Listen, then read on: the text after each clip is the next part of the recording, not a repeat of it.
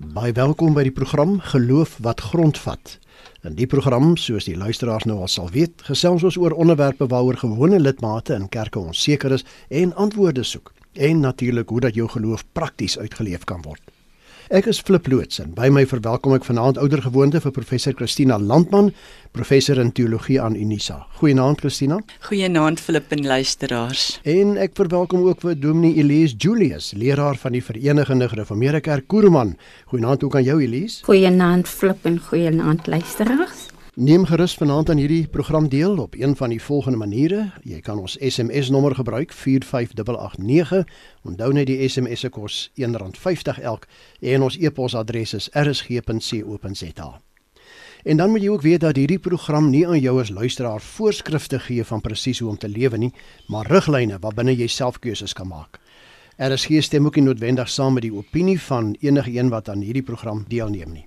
Christina Elise Ons lees in die Bybel waar Josua die volk Israel voor 'n keuse stel om God te dien of die afgode. En dan sê in Josua 24 vers 15: Wat my en my familie betref, ons sal die Here dien. Dit was toe, jare gelede. Maar wat van vandag?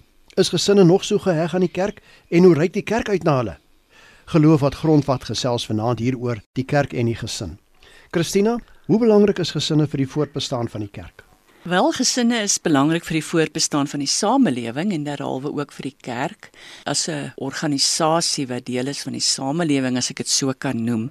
Die kerk moet egter baie versigtig wees in hoe hy homself as bestaande uit gesinne bestuur want sê maar iets sou gebeur soos dat daar huweliksonrus is en die dominee is nou 'n goeie vriend van die gesin dan is dit baie moeilik vir een persoon om dan oor die probleem in die gesin met die dominee te kom praat. So in 'n mate is dit dan nodig dat die dominee moet weet hoe om dit te bestuur. 'n uh, Gemeente kan ook nie net op die tradisionele gesin fokus nie, want gesinne lyk nie meer soos hulle gelyk het nie. Daar is enkel gesinne, daar selfde geslag gesinne, daar's ook enkellopende mense, al hoe meer enkellopende mense.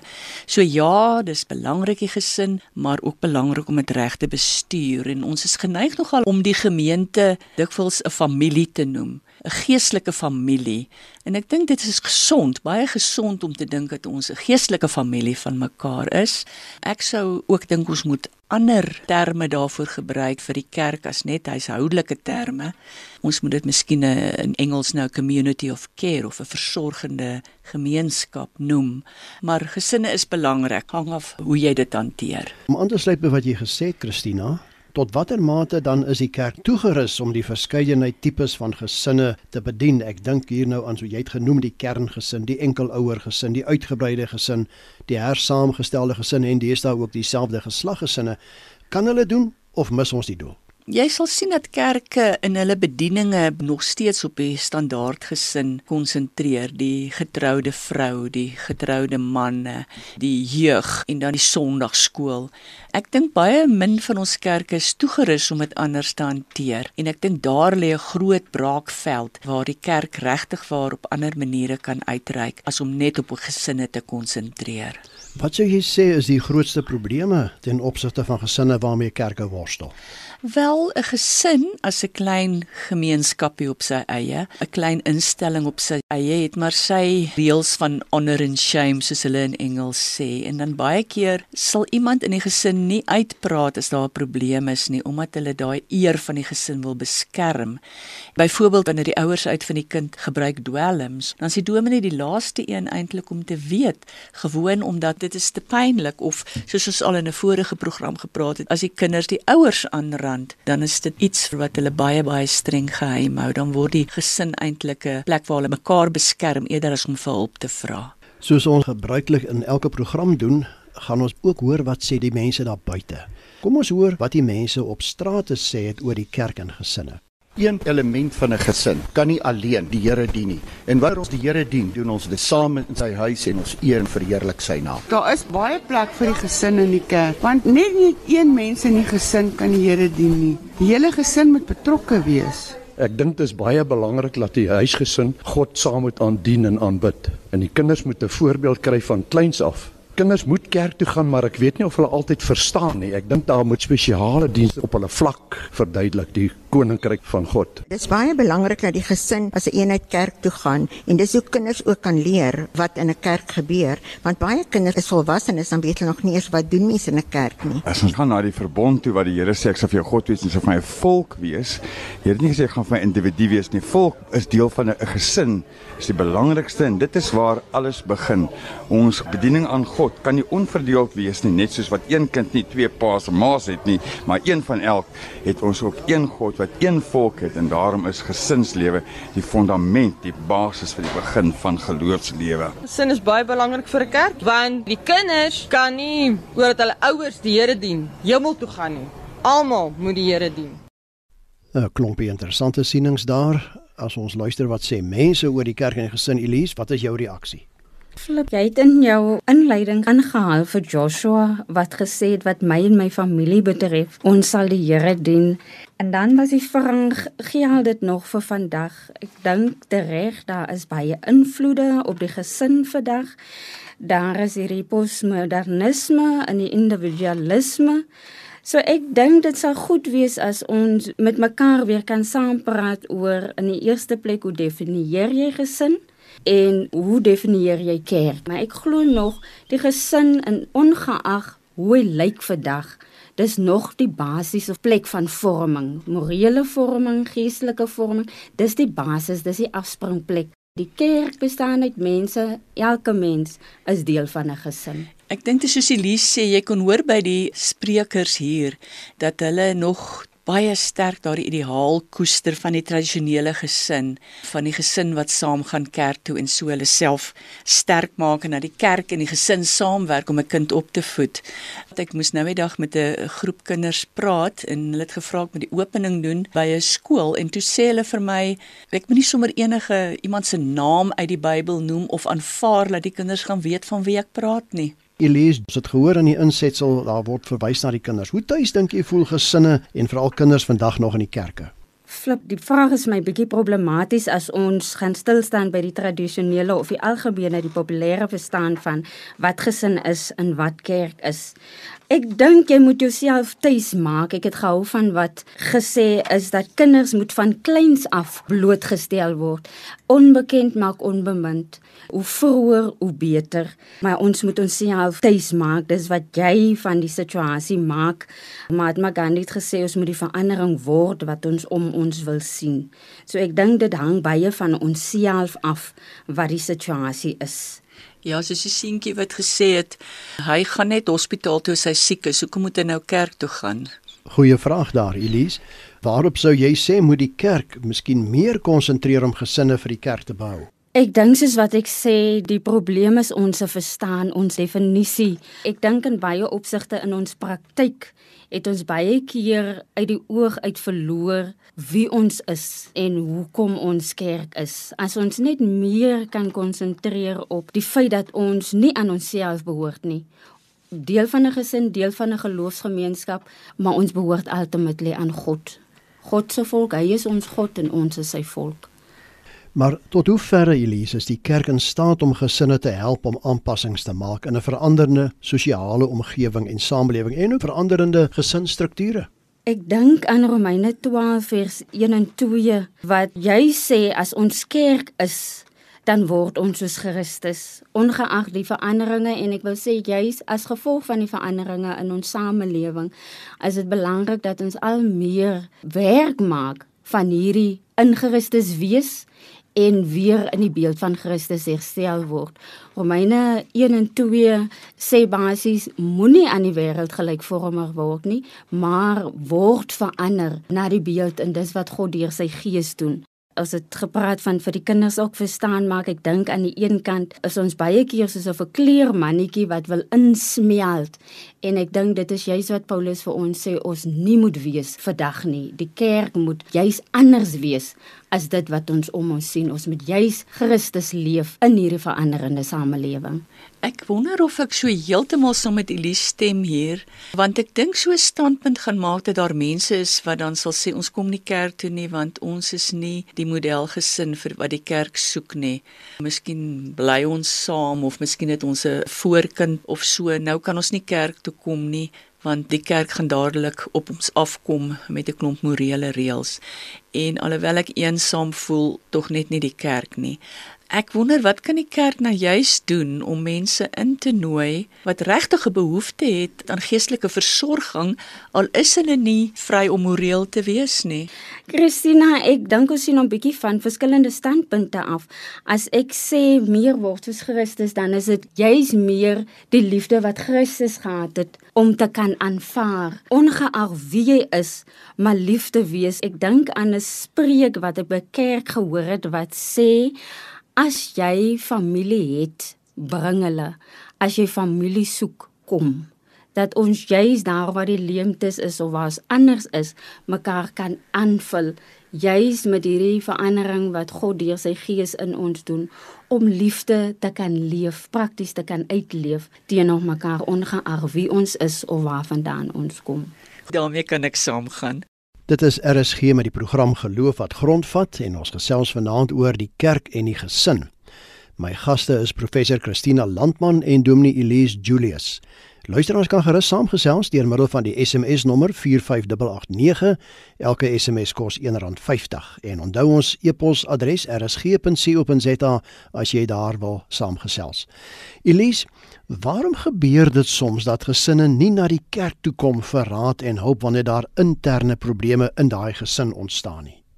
Jammerlik Philip dink ek aan die een kant dat mense dit nie doen nie op grond van teleurstelling of seer wat hulle in die kerk op verskillende forme ervaar. Dis die een kant aan die ander kant dink ek dis ook jammerlik dat ons baie keer eng is in ons denke van die kerk se kant af oor hoe goed moet wees en hoe 'n mens moet inpas in die kerk. Ons sien met mense nie ervaar dat hulle uh, omarm word, dat daar liefde, dat daar aanvaarding is nie. So ek dink dit wat die kerk baie keer uitstraal, nie die aanvaarding nie om vinnig te wees om te oordeel, maak dat mense skugter is. En dan ervarings in die verlede teleurstelling jammerlik ook in leierskap in die kerk dat daar nie integriteit is jy kan nie myself vertrou met hierdie situasie nie want ons praat van mekaar. So dit is van die ervarings wat lidmate dalk mag hê Ja, ek sou toe graag 'n uh, beroep op predikante wil maak, dominees en pastore om wel die vaardighede te bekom om hierdie baie moeilike situasies te hanteer. Ek meen as mense jou in hulle intieme ruimtes toelaat, dan moet jy weet wat jy doen, anders kan jy geweldige skade doen. En soos Elise sê, baie mense het ervarings dat hulle na die dominee toe gegaan het, dan sê die dominee ag, jou probleme is omdat jy nie genoeg geld vir die kerk gee nie of moenie dit nie, moenie dat nie, dan is dit nie die moeite werd om na die kerk toe te gaan met jou probleme nie. Kom ons raak 'n bietjie prakties, Elise. Hoe kan die kerk en die gesin sterker hande vat om die eise van elke dag intern, dis nou binne die gesin en ook ekstern, buite die gesin, al die probleme wat op hulle afkom te hanteer?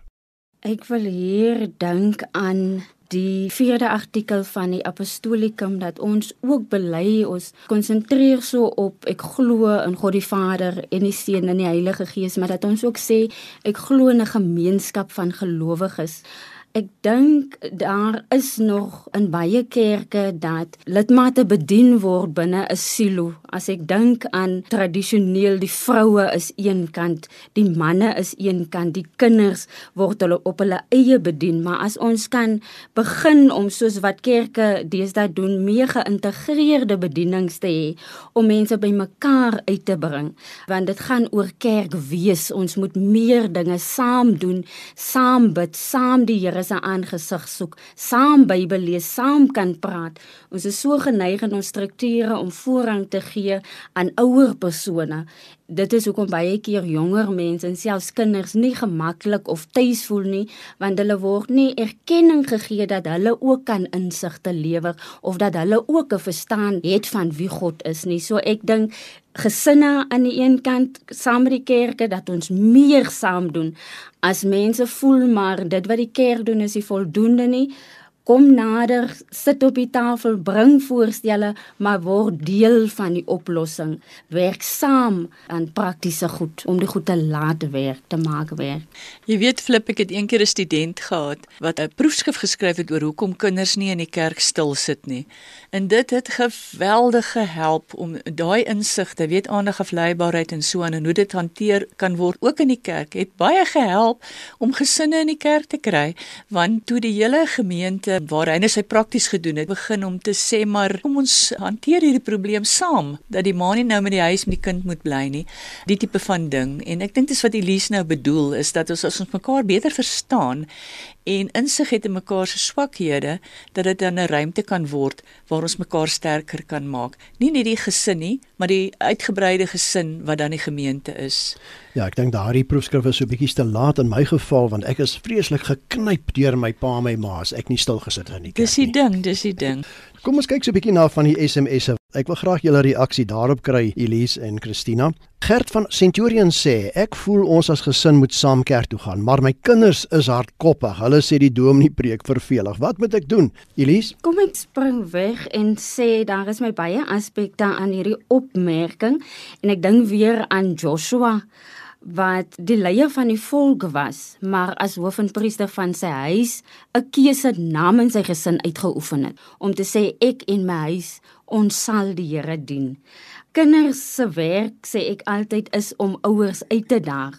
'n Ouer se werk is om by God te hoor en te leer en wysheid te kry oor hoe rig ek en hoe lei ek my kind. Maar ek voel dit is belangrik en as die dominee bietjie verveler is, kommunikeer dit.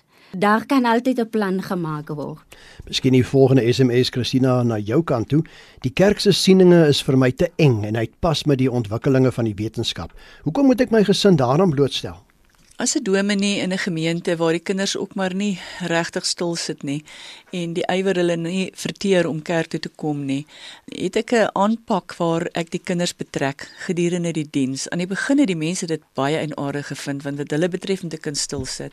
Maar wat ons doen is ons ons sal die preek byvoorbeeld in verskillende dele opdeel en elke kind het dan 'n plakkaat wat hy ophou wat daardie deel van die preek illustreer.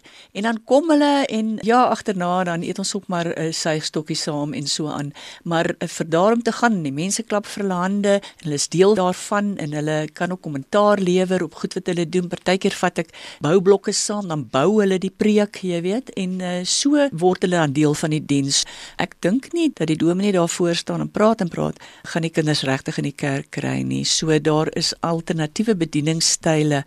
Ek het nou maar 'n baie eenvoudige een genoem wat 'n mens kan regtig in moet belê om sonder om goedkoop en common te raak soos die kinders dan nou wel sou sê, tog hulle te betrek. Christina ja, die bekendstelling van verskillende bedieningsstyle.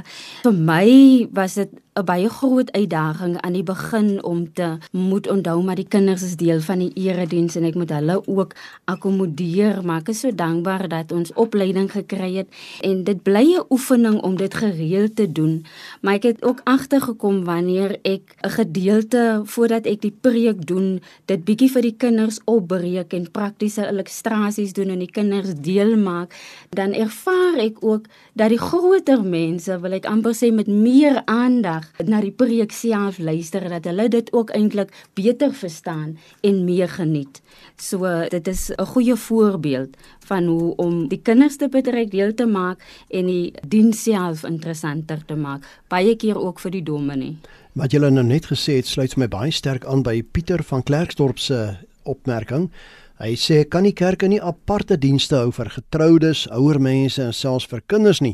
Hy sê so dink ek gaan hulle meer met ons gesinne bereik. Anders skiet hulle in die lug en verloor hulle die meeste. My probleem natuurlik net hiermee Christina en Elise is dat die jong mense of die kinders apart gehou word van die dienservaring saam met hulle ouers. Maar ek wil nie antwoord nie. Hoe antwoord julle twee daarop? Elise? Ek wil sê die kerk kan, maar ek sou reken nee Ek dink nie dit is die manier hoe dit gedoen moet word nie want ons word gevorm in gemeenskap. Soos wat ek die voorbeeld gebruik het Christina ook gesê het, ons word aan mekaar blootgestel en ons leer by mekaar en dit is deel van kerk wees om te kan leer by mekaar, mekaar se gawes te kan ontdek en dit saam te kan geniet. Mense wil ook nie 'n hiërargie in die kerk hê nie. Jy weet, hierdie is nou vir groot mense, hierdie is vir kinders. As mens dan nou juis, soos ons wil doen, die gesin wil betrek, dan sal 'n mens aktiwiteite moet hê wat jy as gesin saam kan doen. En ons het dit. Ons kan dit doen. Die volgende twee SMS'e sluit vir my eintlik baie sterk by mekaar aan. Die ene kom van Susan van Warmbad. Sy sê die kerk se sieninge is vir my te eng en uitpas met die ontwikkelinge van die wetenskap. Hoekom moet ek my gesin daaraan blootstel? En dan sien ek Tertius van Durban skrywe: Ek en my gesin is gelukkig met mekaar. Hoekom moet die kerk inmeng met ons sieninge en belange? Christina? Wel, as jy nou mense opdeel in sulke belangegroepe, sê maar hierdie ouens is nou die enkelouer gesinne. Hulle kom enkelouer ma of die dubbelouer ma en dan daai is nou weer die enkellopendes. Dan praat hulle ook net met mekaar. Kan mens nie maar op 'n manier dat hulle so praat dat hulle mekaar hoor nie en dat jy nie dink jou identiteit is nou die van 'n enkellopende nie. Jy weet, partykeer gaan ek na 'n troue toe en as ek weer sien dan sit ek nou daar by die tafel waar die enkellopende sit. Jy weet, en dan staan ek sommer op en ek gaan huis toe. Want vir my is dit jy kan nie geïdentifiseer word en identiteit kry op grond van die feit of jy 'n gesin het en of jy enkel is en of jy 'n man gekry het of nie. Die eerste, soos Elise nou aanhoudend gesê het, is punt as jy's 'n kind van God en jy word omarm deur die liefde van Christus en daarmee bond ons dan met mekaar, dis ons identiteit in die kerk. Flip kan ek net sê dat dis waar van ek praat as ek sê ons moet weer vir mekaar sê wat is kerk? Wie is kerk? Wie is ons en en wat doen ons as ons kerk wees want kerk beteken tog ekklesia ons word uitgeroep ons word uh, uit die gewone uit uit die normale uit uit die wêreld uitgeroep en ons word afgesonder vir God in God se diens. So ons word ook uit ons gemaksones uit want God wil ons vorm na sy wil en na sy beeld en nie soos wat ons gemaklik is en soos wat ons voel dit moet wees nie, maar ultimately wat wil God hê en hoe wil God hê moet dit gebeur? Kom ons vat vanaand se program saam kollegas. Elise, wat sou jy sê kan gesinne vir die kerk beteken? Elise?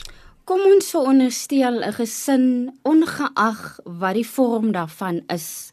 Maar kom ons veronderstel 'n gesin is is mense wat mekaar aanvaar het, vir mekaar lief is, daar is vir mekaar saam bid, saam lag, saam huil as hulle dit wat hulle daar kan deel met mekaar ook aan kerk toe bring. Want by die kerk is daar mense wat dit nie het nie en wat dit nie ken nie. En dit wat hulle dan wat ons sê wat ons glo dan ook met mekaar kan deel en kan saamleef. So ek dink die gesinne kan baie vir die kerk beteken. Nou kom ons ry die vraag om Christina. Wat kan die kerk vir gesinne beteken Flip soos ek gesê het, ek voel ongemaklik as die kerk net altyd na homself verwys in huishoudelike terme soos familie en huishouding van God en so, omdat dit dan mense uitsluit wat nie aan tipiese gesinne behoort nie.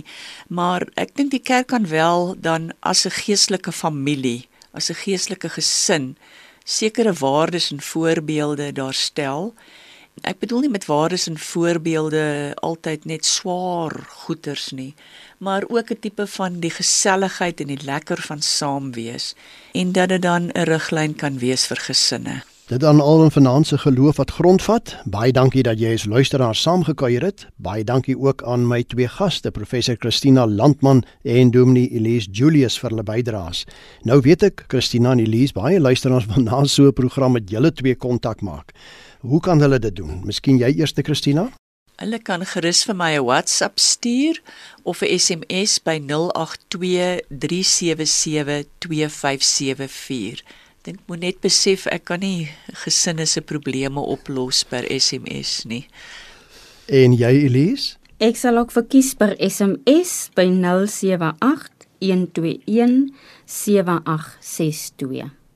En my kontakinligting is flip by mediafocus.co.za. Namens my twee gaste myself, gegroet tot volgende keer. Totsiens.